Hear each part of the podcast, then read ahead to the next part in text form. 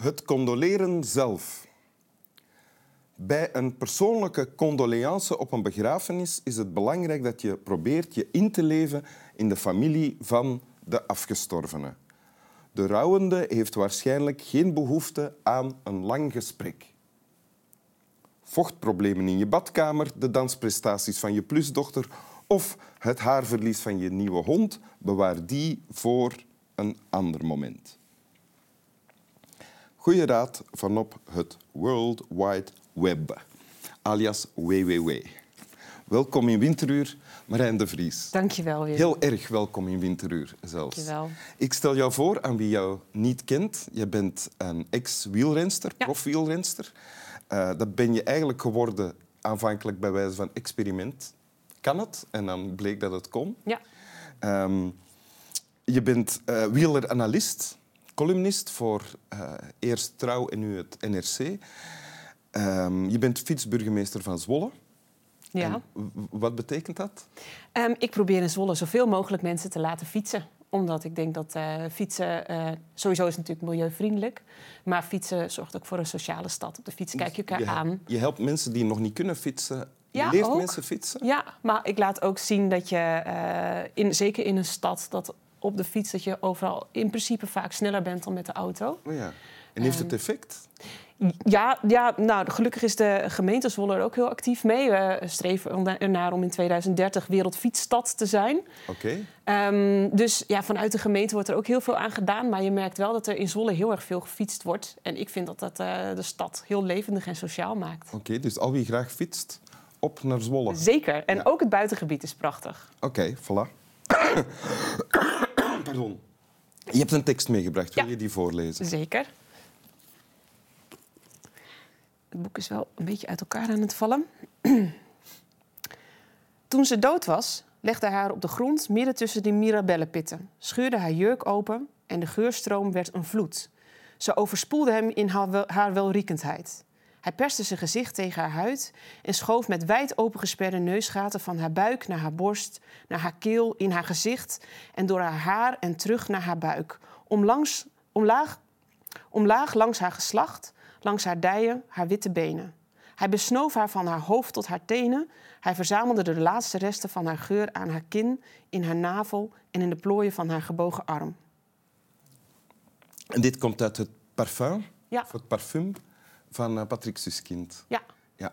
Eh, ja, wat staat er in het eh, fragmentje dat je net voorleest? ja eigenlijk iets heel eh, pervers. Ja? Ehm, er is net een jong meisje vermoord door deze hoofdpersoon. En hij beruikt haar. Hij besnuffelt haar. Ja, Ja. En het is eigenlijk heel, heel heftig wat er staat. Maar tegelijkertijd, en dat vind ik zo fascinerend, eh, wilde ik er alles van weten. En kon ik me ook hevig voorstellen hoe graag deze hoofdpersoon die geur wilde ruiken.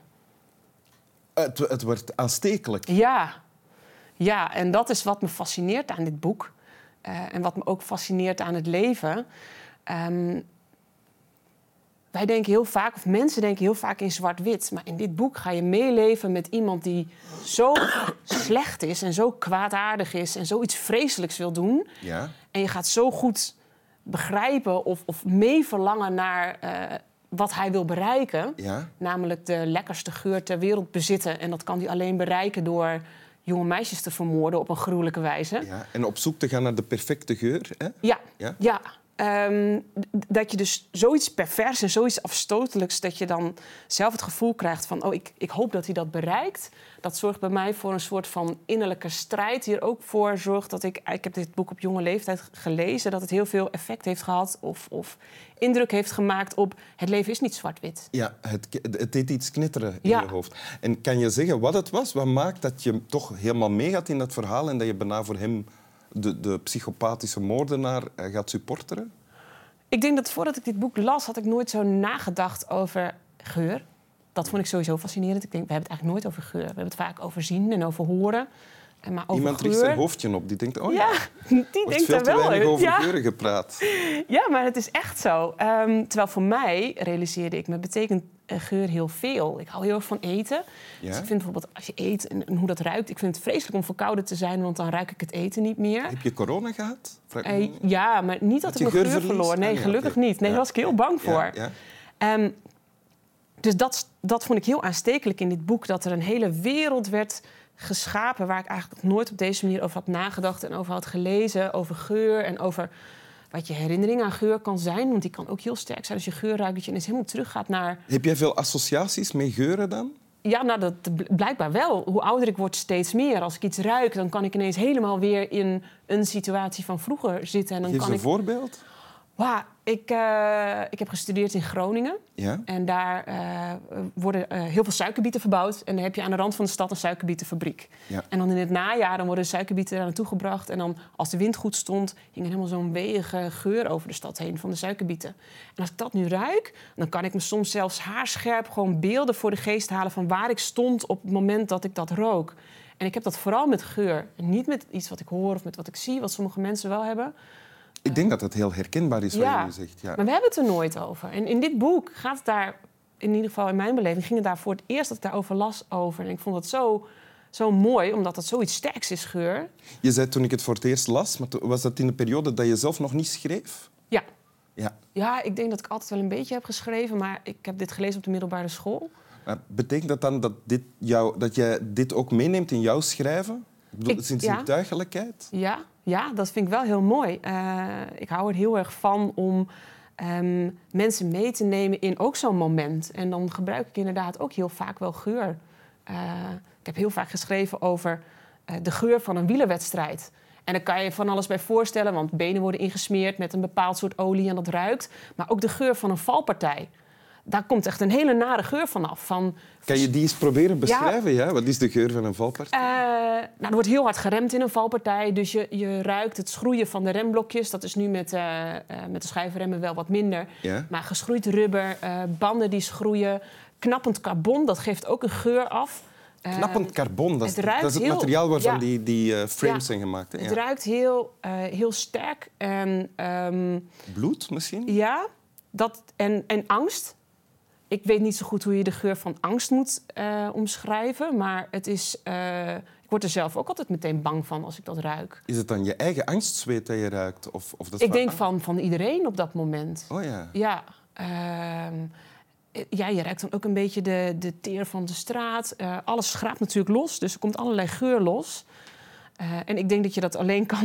Als je het nooit geroken hebt, dan is het ook heel moeilijk om dat te omschrijven. Het grappige is, als je het zo, zo beschrijft zoals je nu net doet, dan wordt een valpartij bijna iets aantrekkelijk. Van, oh, ik zou dat ook wel eens willen ruiken. Want ik heb nog nooit een valpartij geroken. Ja, het, eh, het, het maakt diepe indruk, vind ik, de geur van een valpartij. Ik weet nog dat ik dat voor het eerst rook. En je denkt daar niet bij na dat dat ook een geur heeft. Maar het is een heel specifieke geur. En ik heb hem daarna veel te vaak geroken. Ehm, ja. maar je zou dus eigenlijk willen, wat dus, dus het hoofdpersoon in deze boek, dit boek doet... dat Ja. je die geur kan vangen en dat je het op die manier misschien aan andere mensen kan laten ruiken. Ja. Maar dat kan niet, dus hoe doen we dat? Met woorden. Zo Ja. proberen we dat dan te doen. Ja, nou ja, dat probeer ik dus ook best wel vaak te doen. Ja, Ja. ja Wil je het nog eens voorlezen? zeker. Toen ze dood was, legde hij haar op de grond midden tussen de mirabellenpitten, scheurde haar jurk open en de geurstroom werd een vloed. Ze overspoelde hem in haar welriekendheid. Hij perste zijn gezicht tegen haar huid en schoof met wijd opengesperde neusgaten van haar buik naar haar borst, naar haar keel, in haar gezicht en door haar haar en terug naar haar buik, omlaag langs haar geslacht, langs haar dijen, haar witte benen. Hij besnoof haar van haar hoofd tot haar tenen. Hij verzamelde de laatste resten van haar geur aan haar kin, in haar navel en in de plooien van haar gebogen arm. Dank u. Graag gedaan. Slap wel.